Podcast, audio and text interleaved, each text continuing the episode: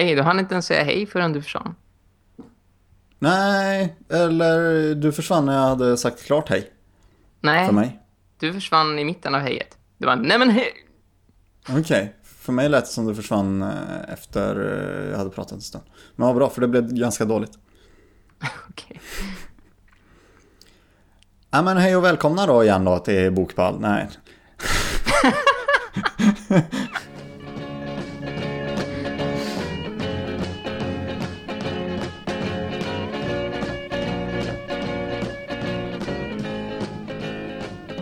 Hej ännu en gång och välkomna till Bokpalt. Podcasten som pratar lite grann om böcker.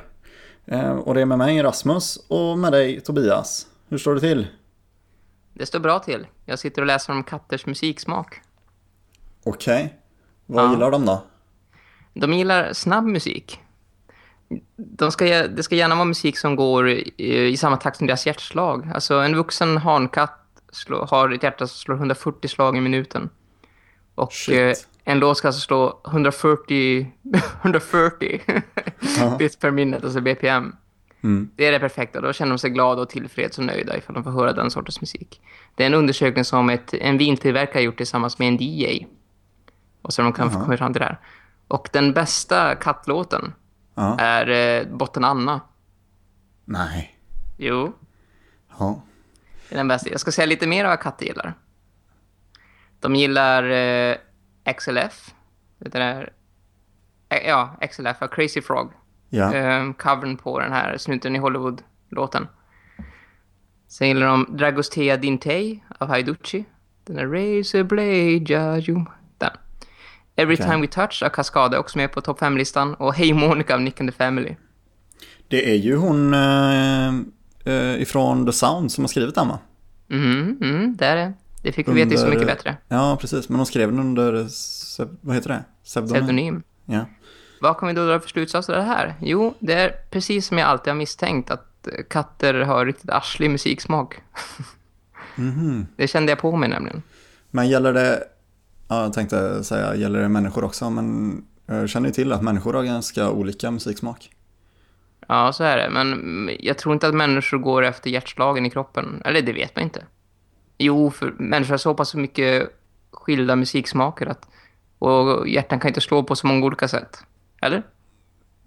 Ja, jo, det kan ju diffa från 35 till 200 typ.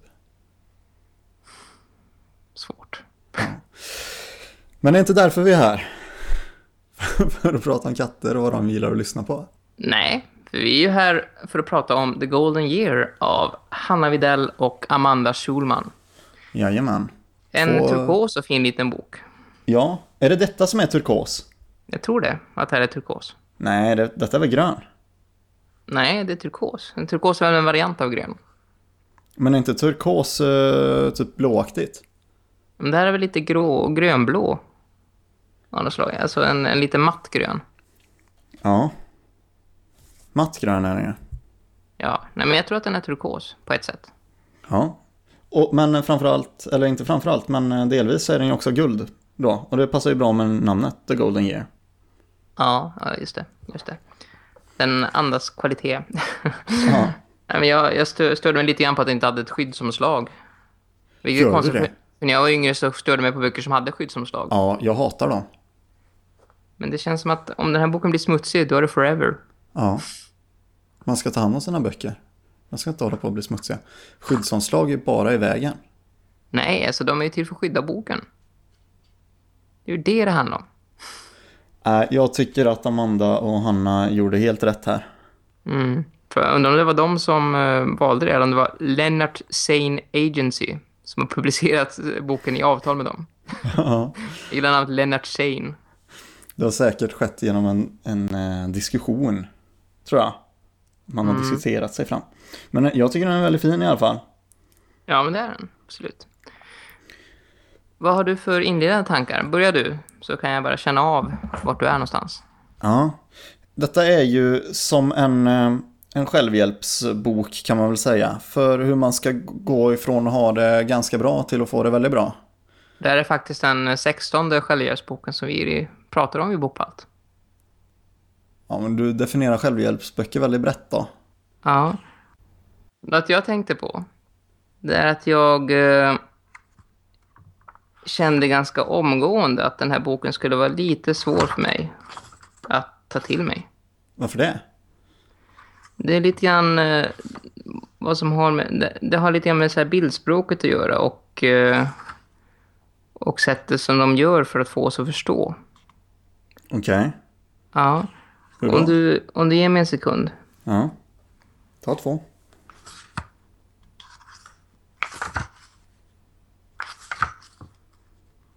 Mm.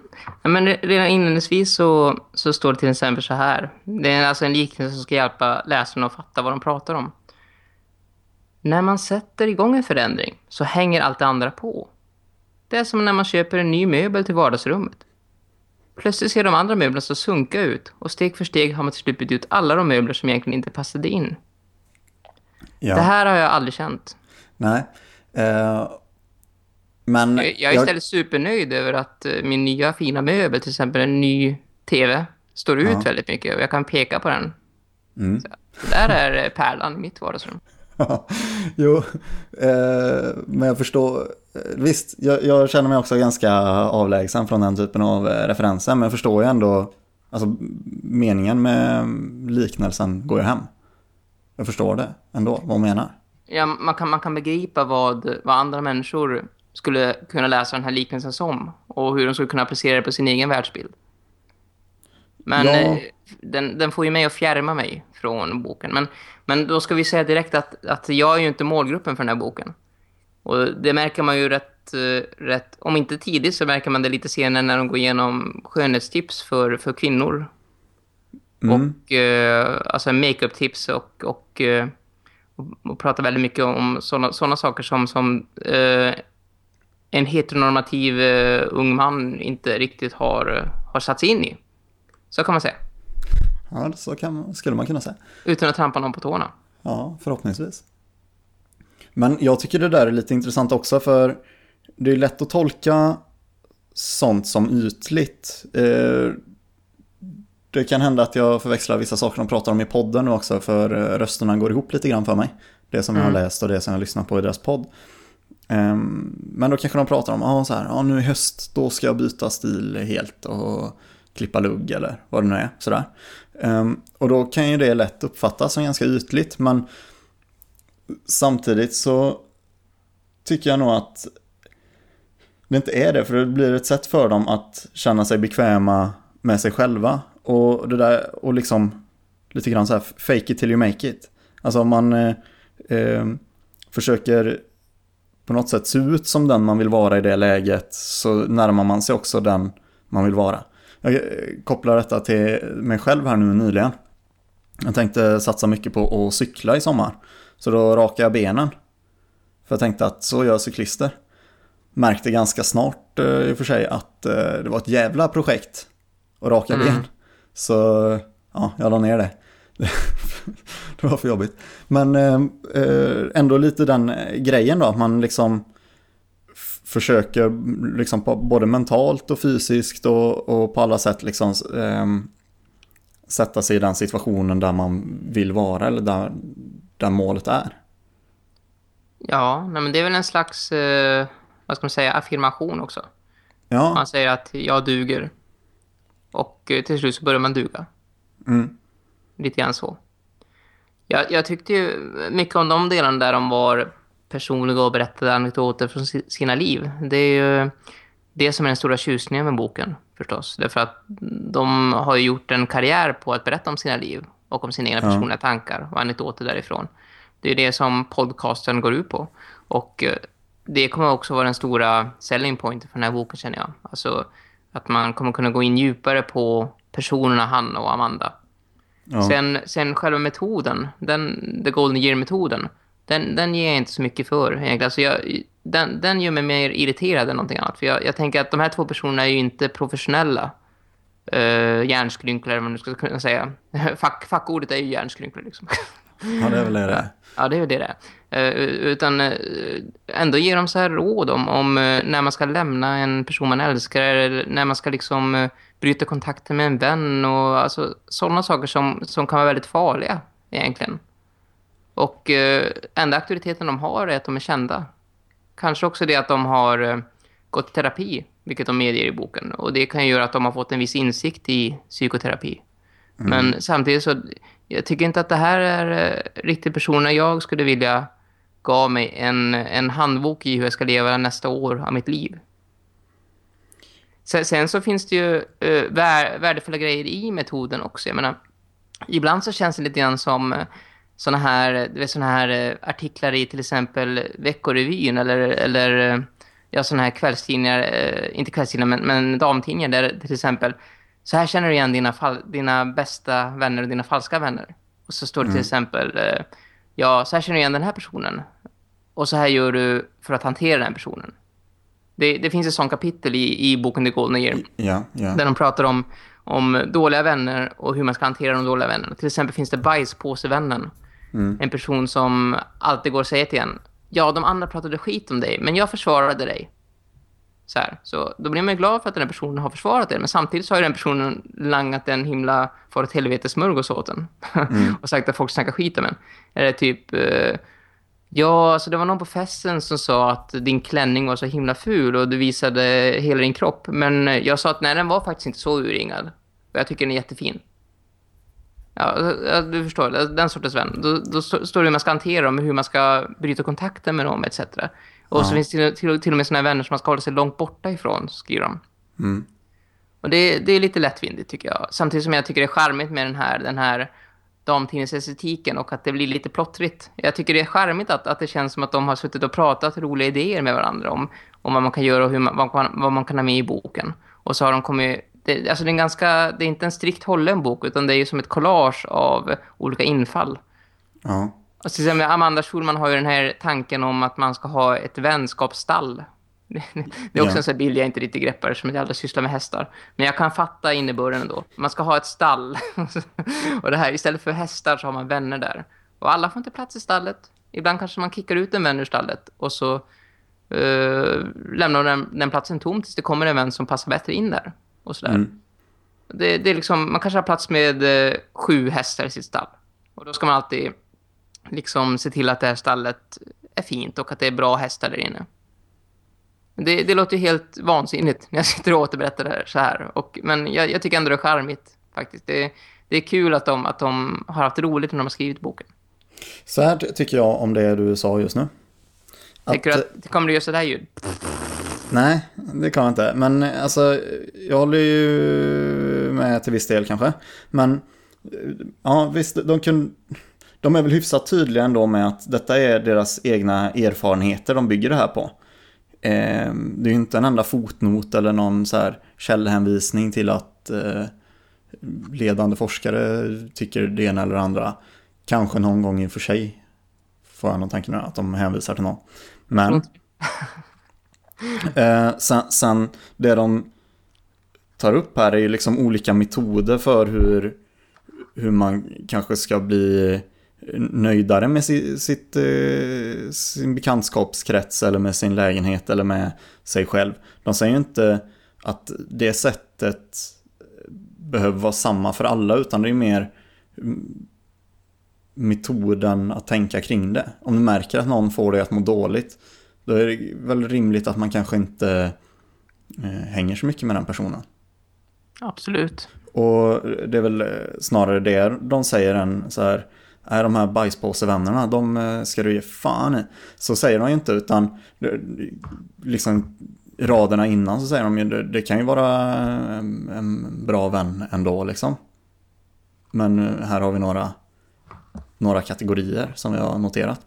Och jag tycker, alltså, jag försökte tänka på vilka eh, som jag känner kan placera i de olika facken där då som de tar upp jag kunde inte komma på någon egentligen som liksom blev en klockren... Eh, ja, nu är det bara bajspåsevän jag kommer på. Men de hade ju typ tio olika eh, kategorier på, på människor som eller beteenden snarare än människor kanske, som eh, kan, vara, kan vara lite besvärliga.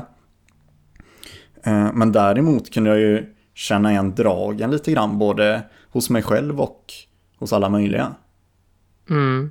Vet, tycker du att det, kände du igen dragen där hos, hos människor? Ja, ja visst, alltså alla har ju de här mindre smickrande egenskaperna. Eh, till exempel ibland skvallrar man. Ibland så är man missunnsam. Ibland så trycker man ner någon utan att egentligen ha någon riktig baktanke där. Utan man, man är bara trasig som människa och vill inte att den andra ska lyckas mer än en själv. Alltså det är ju, vi är ju människor. Det är högst mänskligt. Eh, men det här är som sagt förenklade mallar. Alltså det, är- det, är som, det är som när man gör ett test. Så här många poäng. Okej, jag, jag blev eh, bajspåse-typen. Ja, det här. Ja. Lite grann. Det, det är det jag menar med den här veckorevyns grejen på något sätt. Men jag måste faktiskt säga att det finns ju en som heter Jag har också varit där-typen. Ja. Där Den här personen har gjort allt man har gjort. Man säger till exempel Jag ska åka till Maldiverna nästa vecka och då säger den personen Ja, jag var där förra året. Det sög. Ja. Typ. ja. Eller ja, den här killen ringde mig och han var så gullig. Han ringde mig förra månaden. Han var väl sådär. Alltså typ så här, verkligen ta ner den så. Ja, ja. Och då skriver de faktiskt hur man ska hantera personen. En sak till. Dessa typer ska man hålla långt från. Hålla långt bort. Så här säger de faktiskt uttryckligen att man ska skita i en viss typ människa. ja. Det, det, det kan jag tycka är lite harsh. Är det inte? Jo, visst. Ja, men det finns väl alltid en, en fara i när man eh, ger råd. Och speciellt kanske då som offentlig person som många lyssnar på. Men Ja. ehm, eh, jag tror ändå att summan av, eh, av, av alla liv de kommer påverka med den här boken kommer vara positiv. Ja, alltså, jag tycker väldigt mycket om eh, de här. Jag tycker om även budskapet på det stora hela. Alltså, man ska inte ta någon skit. Man ska vara trygg i sig själv. Man, man ser bra ut som man är. Men det är ändå okej att sminka sig därför att ja, det är roligt. Enkelt. Eller hur man ska uttrycka. Alltså jag, jag tycker det, det är himla fina grejer de tar upp Ja, och, eh, och sådär. Men, eh, men eh, just att de kallar det för en metod tycker jag är jobbigt. Tycker du att det är en enhetlig metod det här? nej, men det är väl flera olika, olika metoder. Jag tycker det är mer som att de har... De, som jag sa, de har, de har skrivit ihop en bok med saker som de, tyck, som de vill förmedla. Alltså väldigt glädjande grejer och väldigt stärkande grejer för unga tjejer framförallt. Och eh, det är fullt av berättarglädje och det är väldigt, eh, väldigt roliga kapitel. Väldigt, väldigt eh, ganska spännande tankar ibland och väldigt spännande sätt att liksom... eh, hierarkisera sin värld eller att liksom malla ut vad som är viktigt och vad som inte är viktigt i ens liv. Mm. Så de har gjort det på ett väldigt målande och roligt sätt. Men jag skulle inte säga att det här är en eh, följ den här punkten och följ den här punkten metodhandbok. Jag, skulle inte säga att det finns en golden year-metod utan det verkar finnas en massa, en, en massa lösa grejer. en massa lösa små metoder. Ja, det var ingen sån eh, tydlig tolvstegslösning liksom. The Golden Weeks kanske skulle kunna heta. Ja, men, och det där tänkte jag på också. Jag tycker att The Golden Year verkar vara ett, ett helvete. Det som kommer efter man har gjort alla de här grejerna kanske är gött. Då når vi landet av mjölk och honung liksom. Men, The eh, Diamond Year. Ja, ja, men det, då verkar ju också vara ett helvete. Om, alltså det här med att rensa ut bland vänner och bekanta och eh, grejer man har och man ska förändra sitt egna beteende och så här. Det verkar skitjobbigt. Men det kommer ju ge eh, valuta, det tror jag. Ja, men tänk om det inte gör det. Tänk om man rensar bort en massa vänner. Tänk om jag inte tycker om eh, dig till exempel för att du ibland säger väldigt roliga grejer. Du får mig att känna mig dummare än vad jag är. Mm. Ja. Eh, Och du får mig att känna mig tråkig. Och jag tänker att, åh gud, han är mycket bättre bokpaltare än vad jag är. Ja. Och så då stryker det mitt, i mitt liv. Förlåt, jag måste rapa. och eh, sen så inser jag om två år, nej fan, det var dumt. Egentligen. Jag skulle kunna bjuda in dig i mitt stall igen, som Amanda Schulman säger. Men det blir svårare och svårare ju längre tiden har gått. Och då sitter man där och tänker att jag har följt den här handboken av två populärkulturella kändisar. Som inte egentligen har något diplom att visa oss ska du lyssna på. Samtidigt, jag lyssnar på, på goda vänner. Jag lyssnar på Ja. mamma och pappa. Ja. Och de har inte heller diplom. Så jag är nog onödigt gnällig faktiskt. Men, Men jag tror eh, det. Och dessutom då, så, så liksom, okej, även om de inte skulle ha ett eh, diplom från ett eh, universitet eller sådär, så har ju de genom eh, sina år med podden till exempel, fått, alltså där har de ju också gett olika råd och redogjort för sina eh, berättelser om sitt liv och så vidare. Mm. Och fått en väldig massa respons på saker som har hjälpt andra människor. Så även om de inte har ett, ett konkret eh, diplom då från ett universitet så har de ju ändå sett Jag tycker inte du ska propsa för mycket på det här med diplomet. Alltså, det var bara en bild.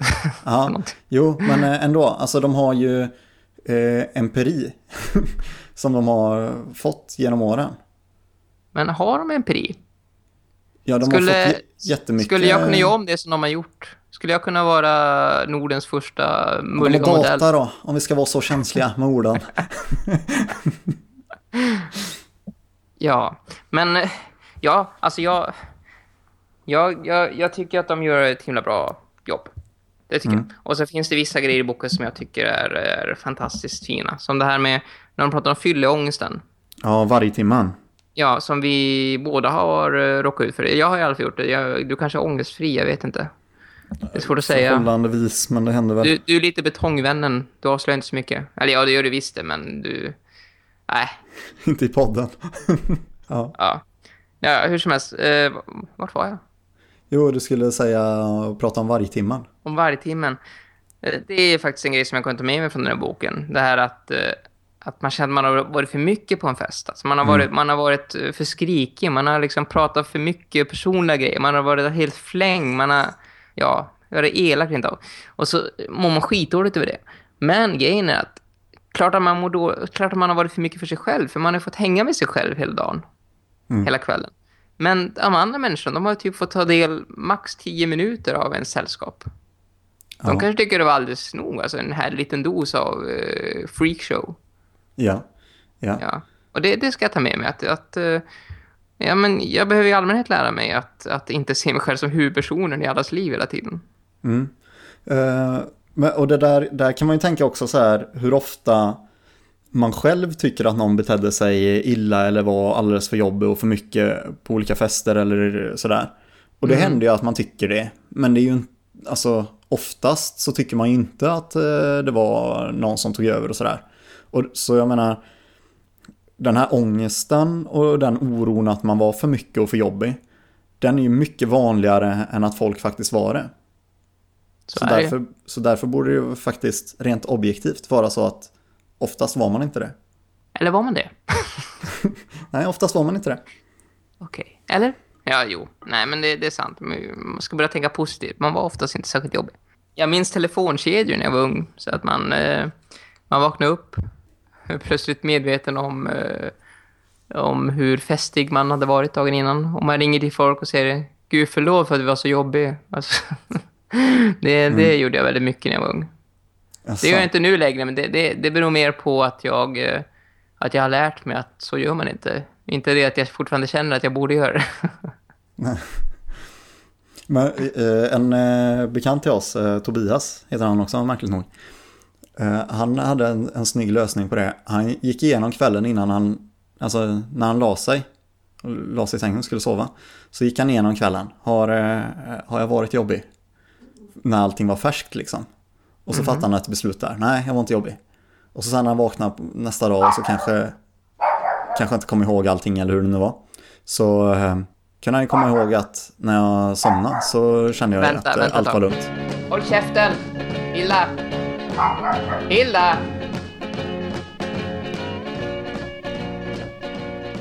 Ja, i Bokpalt då också så väljer vi en låt som vi tänker lite extra på till boken vi läser.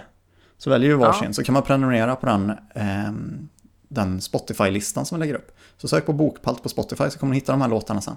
Och till den här låten då, äh, till den här boken så undrar jag ju då, vad har du valt för låt till den Tobias?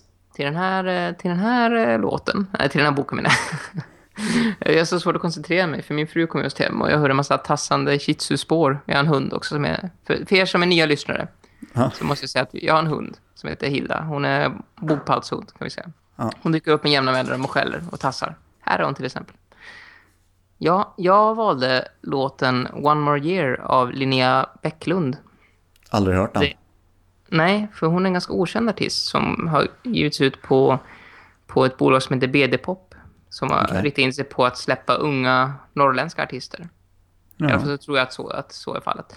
Och hon har inte släppt någonting på bra länge. Men eh, den här EPen kommer jag ihåg. För den lyssnade jag lite grann på när den kom. Mm. Eh, och då finns en, en låt som heter One More Year som, eh, som handlar om att göra en förändring. Alltså hon går från, eh, från barndom till, till vuxenskap. Hon ska börja bete sig på ett visst sätt. Hon ska stryka Travis ur sin spellista och börja lyssna på The Stones istället. Sådana grejer. Så det handlar om förändring och utveckling. Och det tycker jag även att The Golden Year handlar om. Det, uttryckligen så är det så att, att The Golden Year handlar om utveckling och att förändra sitt liv. Mm. Så den låten valde jag. En fin ballad. Gå in och lyssna på den. Bokpalters. Fint. Vad valde du då? Jo, jag tänker så här att den här boken handlar ju om att, att våga se det som är ett problem och så tar man tag i det och gör något åt det. Och då kommer man ju in på Bob Hund Ja, och nu är det, nu är det väl revolution på gång har de gjort en låt som heter. Och redan, redan första raden där var det skönt att inte veta sitt eget bästa, säger de då. Och det är ju förbannat skönt att, att liksom inte se alla sina problem. Eller det som är besvärligt för en. För då slipper man ju också ta tag i det. Men The Golden Year handlar ju om att ta tag i det då. Så nu är det väl eh, revolution på gång då. När man vågar se sina problem och brister. Och det som gör att man inte är, är så lycklig som man kanske skulle kunna vara. Den låten är ju fantastisk. Jag har Ja. sjungit den högt på fler, flertalet fester. Och det var nog den första Bob Hund-låt jag hörde. Jag köpte den på singel för att jag tyckte framsidan var läcker. Har den också gett dig eh, någon vargtimme då? Den här låten. nej, nej det har jag inte gjort. Det låter som Det- att du är de- förtjänar den. Det är de bästa kvällarna. De kvällarna jag kände det befogat att sjunga den högt. Och jag fick fler att sjunga den med mig. Ja, Eh, och eh, B-sidan var ju eh, Jag tror jag är kär, som är en svensk version av Guess I'm Falling In Love, en väldigt underground låt. Och Okej. den var också väldigt, väldigt fin. Det kanske blir en framtida Bokpalslåt, vi får se. Mm. Nu finns det ju även två eller tre Bob Hund-låtar på vår Bokpalslista, så de bör också bli... Men jag föredrar att de är där istället för eh, vad vi nu annars har haft för artister flera gånger. Kate Bush. Ja, Kate Bush är ju bra också. Ja, det är hon. Ja, det var vårt fasta inslag. Ja, det var det. Bada bing! I slutet av boken så skriver de också om hämnd. Och det är ju Mm. ett tema som jag tycker är lite intressant. Ja, det tycker hela mänskligheten och hela litteraturhistorien. Ja, nu, prat, nu målar du med breda penslar, men visst. så, så är det kanske. Ehm, nu var jag den här, den här, tror inte att du är något vännen. ja, precis. nere på jorden. Men eh, där pratar de ju om eh, hämnd kanske som snarare som en drivkraft än något man ska sätta i pra- eh, praktiken. Om man blir sur på någon så ska man liksom visa den personen vad man går för och så kommer man framåt själv. Liksom att lyckas själv blir den bästa hämnden. ja. Det borde Hamlet ha tänkt på. Ja, det borde han kanske. Men alltså, jag är lite så här kluven till, till hämnd som koncept. För jag tycker Ja. att det i många fall är liksom opragmatiskt. Och jag är ju gärna pra- pragmatisk alltså. Jag tror sällan att det kanske leder till någon större nytta att hålla på och hämnas och sådär. Risken är väl större kanske att det blir ett problem. Ja, det var ju länge sedan vi gick ifrån öga för öga, tand för tand lagstiftningen och det var ju ren hämnd. Ja, Sen kanske man kan se all sorts eh, straff, eh, all, alla sorters straff som ett slags hämnd. ja delvis i alla fall. Inte minst dödsstraff som är den ultimata hämnden. Mm. Och det är då det är även då det blir som mest påtagligt att vad fan håller vi på med? Kan jag känna. Ja, men för bara, för bara 2000 år sedan ungefär, Mm. ganska exakt, så kom det ju, ehm, kom ju den här Jesus då. Och han, han hade en förhållandevis ny idé som handlade om förlåtelse, att man inte ska hämnas och sådär. Mhm. Och det såg ju, sågs ju som omoraliskt då. Att liksom inte hämnas skulle vara, skulle vara knasigt då. Sen så har ju förlåtande sen dess blivit liksom det som är det fina och hämnd det fula. Och... Som, som drivkraft suger det ju egentligen. Typ man tänker att fan vad jag inte ska visa dem. Eller? Nå, men ja, alltså det skulle ju kunna kanske svänga åt, den, eh, åt det hållet också då. Att man säger nej nej, då skiter jag väl i det om du inte tror på mig liksom. Men eh, visst kan det vara eh, en drivkraft för att lyckas också. Hanna Videll eh, berättade ju om det. Typ att hennes pappa säger till henne, fan vad du är värdelös. Och så bestämmer hon sig för att hon ska lyckas visa honom. Mm. Så istället för att hämnas på honom och säga till honom att, ja men du då? så, så blir hon istället bättre. Men det kan ju inte vara sunt. Att man, någon säger att man är dålig så, så försöker man göra sig bättre i den personens ögon. Vad skulle hon ha gjort då? Nej, hon skulle väl ha sagt... Ja, jag vet, det är svårt att säga. Hon var ju väldigt ung då. Ja. Sparka honom i pungen. Ja, men då tycker jag nästan att det är en bättre hämnd att, äh, att få en bra karriär och så. Ja, det har han ju fått. Onekligen. Ja.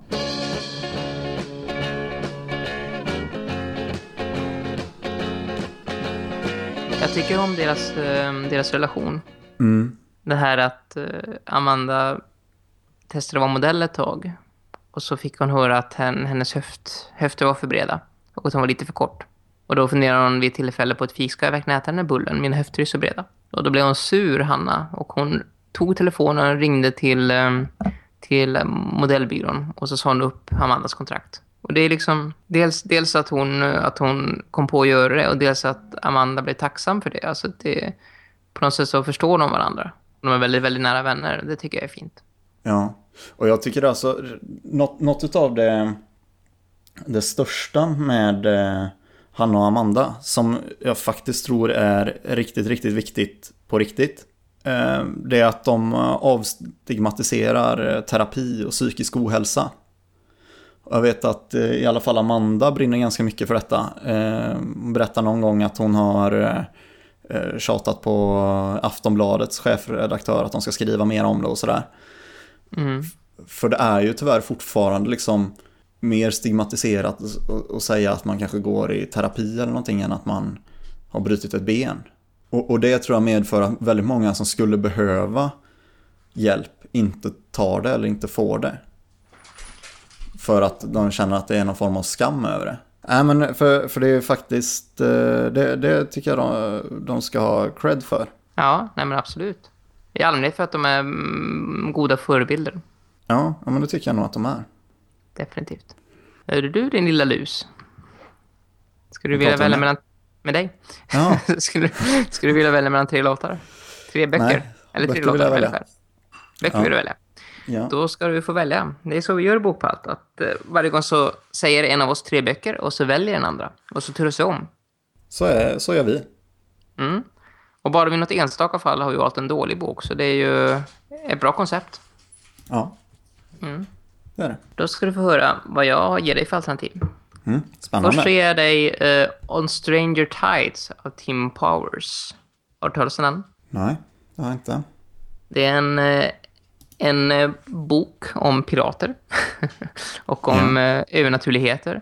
Och den romanen har inspirerat bland annat Monkey Island-spelen. Jaha, Och dessutom filmen på farliga... Den heter On Stranger Tides, filmen. Men vad betyder det på farliga farvatten? Något i den stilen? ja, tides är tidvatten. Ti- Farliga tidvatten kanske. Och det är ju, det är ju Paris of the Caribbean 4. Så den har inspirerats av boken, men det är inte en, en ren filmversion av boken, men den har också inspirerats av den. Så Paris of the Caribbean inspirerats av den här boken och Monkey Island, och då väger Monkey Island tyngre skulle jag säga, att de är picka och, klek, picka och kleka, de är klicka och peka datorspelen från äventyrsspelens eh, gryning så att säga. Men vänta här nu. Kan det stämma? För jag kollade upp den här på, på internet. Och då står det utgivningsdatum 2011 och Monkey Island är ju mycket äldre än så. Ja, men du vet, man ger ut böcker i flera omgångar. Till exempel så har vi ju läst, eh, stolt, inte Stolt och fördom, men Svindlade höjder. Ja, Och det är en utgåva som har givits ut sent 2000-tal, men den skrevs ju över Så kan 100 det år tidigare. så kan det vara. Så, Så, kan, det, vara. faktiskt vara. Så kan Ja. det. Vad kul att du inte kan klippa det här. vi har pratat runt lite. Nästa då? Nästa bok blir Stina Aronssons Feberboken som är eh, en eh, kärlekshistoria. Han om, handlar om ångest mycket och väldigt ingående om ångest och den här gavs ut ganska nyligen för typ i alla fall ja, åtta år sedan i en Mm. ny utgåva med förord av eh, Ebba, Ebba Witt-Brattström Jaha, från eh, Rosenlar som är ett väldigt spännande förlag. okej. Feministiskt bokförlag. Och eh, Ebba Witt-Brattström var ju en av grundarna till Fi, va? Ja, hon Och är, sen, även, eh, hon är även en av huvudpersonerna i Horace Engdahls liv. ja, eller var. De Är eller var? sig. Har de det? Ja, De säger kompisar fortfarande. ja det, Det vet vi ingenting om. Ha- Han eh, vann ju låten i Babel. Och det var, den låten skrev han väl mer eller mindre eh, inspirerat av eh, skilsmässan. Så Horace Engdahl skrev en låt i litteraturprogrammet Babel.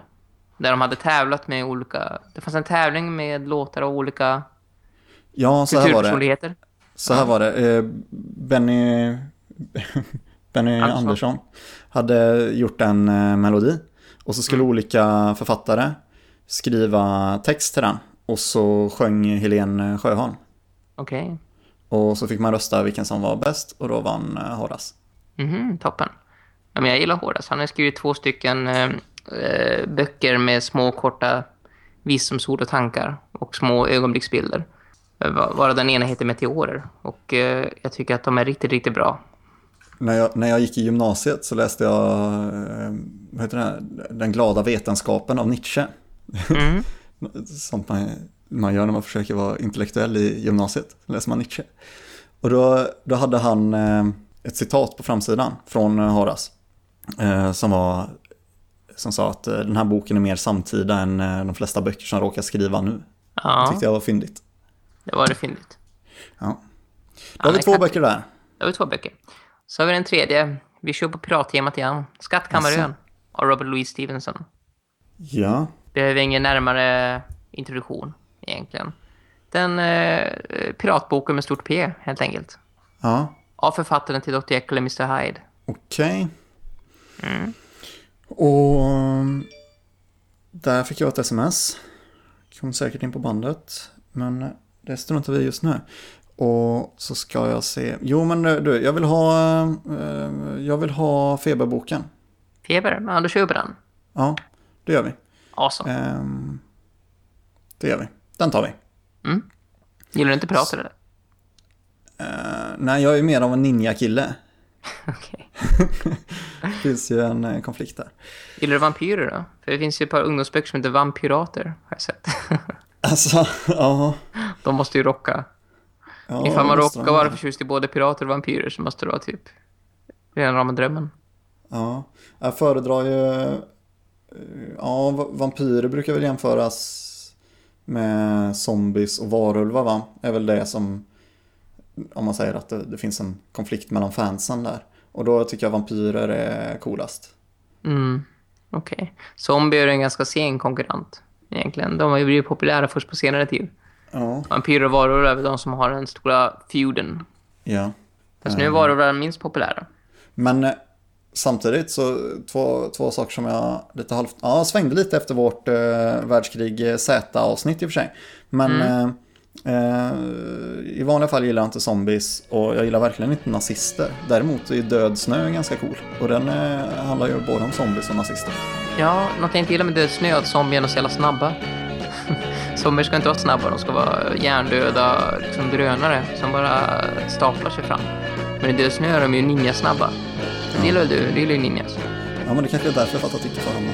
Ja, det Eller jag, jag gillar väl inte själva zombiesen utan kanske till skit i det. Så säger vi hej då. På återseende. ja, det kan vi väl göra. Ha det bra. Ja. Hej!